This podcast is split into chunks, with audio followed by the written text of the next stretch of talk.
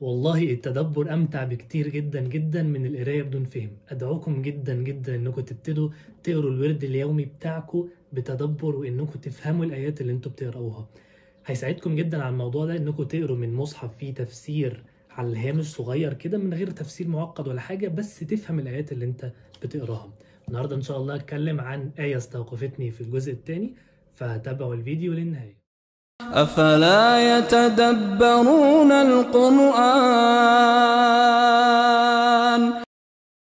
وانت بتقرأ في الجزء الثاني من رحلة ختمتك للقرآن هتعدي عليك آية قريبة لقلبنا كلنا. الآية بتقول بسم الله الرحمن الرحيم. وإذا سألك عبادي عني فإني قريب أجيب دعوة الداعي إذا دعان فليستجيبوا لي وليؤمنوا بي لعلهم يرشدون. الآية دي بتأثر في كل واحد فينا كل ما يسمعها وكل ما يقراها. والعجيب إن أنت لما تيجي تقرأ الآيات اللي قبليها هتلاقي آه كتب عليكم الصيام كما كتب على الذين من قبلكم وشهر رمضان. بعد كده الآية دي في النص وبعد كده يتكلم تاني عن شهر رمضان. أحل لكم ليلة الصيام الرفث إلى الرفث إلى نسائكم. طب إيه اللي جاب آية الدعاء دي في وسط كلام عن الصيام؟ وكأن ده دليل إن الصيام أهم حاجة فيه إن الواحد يدعي ربنا ويتضرع لله عز وجل. وقال الرسول صلى الله عليه وسلم إن للصائم عند فطره دعاء لا يرد أو دعاء مستجاب. فما تضيعش أبدا الدعاء يا جماعة. في ناس بتتكبر إن هي تدعي في ناس ما بتعرفش تدعي.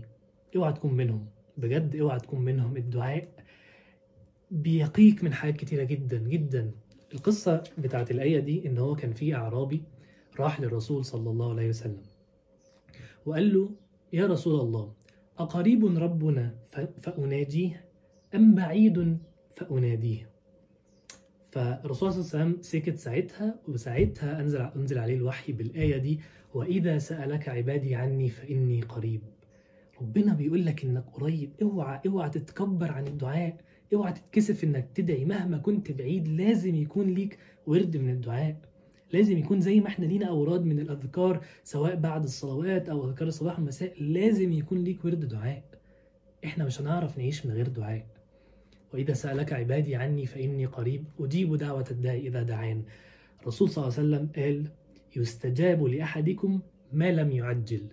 يعني إيه؟ يعني ربنا 100% هيستجيب لدعائك. طالما انت ما قعدت تقول يا رب أنا دعيت وما ما استجبتش دعائي ما أنا بقالي فترة مستني. لا ما تستعجلش. ربنا بإذن الله هيستجيب دعائك. وإذا سألك عني عبادي فإني قريب. وإذا سألك عبادي عني فإني قريب. أجيب دعوة الداعي إذا دعان. فليستجيبوا لي وليؤمنوا بي لعلهم يرشدون. الخواطر اللي بتكلم عليها دي مش حكر عليكم خالص. الجزء ده بالذات كان فيه خواطر كتيرة جدا جدا وآيات بتلمس الواحد فأدعوكم جدا إنكم تقروا الجزء ده بتدبر وتمعن. ويا ريت لو تشاركوا مع الناس أفكاركم أو تكتبوا لي في ال comments تحت إيه الأفكار اللي جات لكم. وما تنسوش تشوفوا الفيديو اللي فات وتتابعوني إن شاء الله بكرة في الفيديو الجديد. وأشوفكم بكرة بإذن الله على خير. السلام عليكم ورحمة الله وبركاته. وإذا سألك عبادي عني فإني قريب. أجيب دعوة الداع إذا دعان. فليستجيبوا لي وليؤمنوا بي لعلهم يرشدون.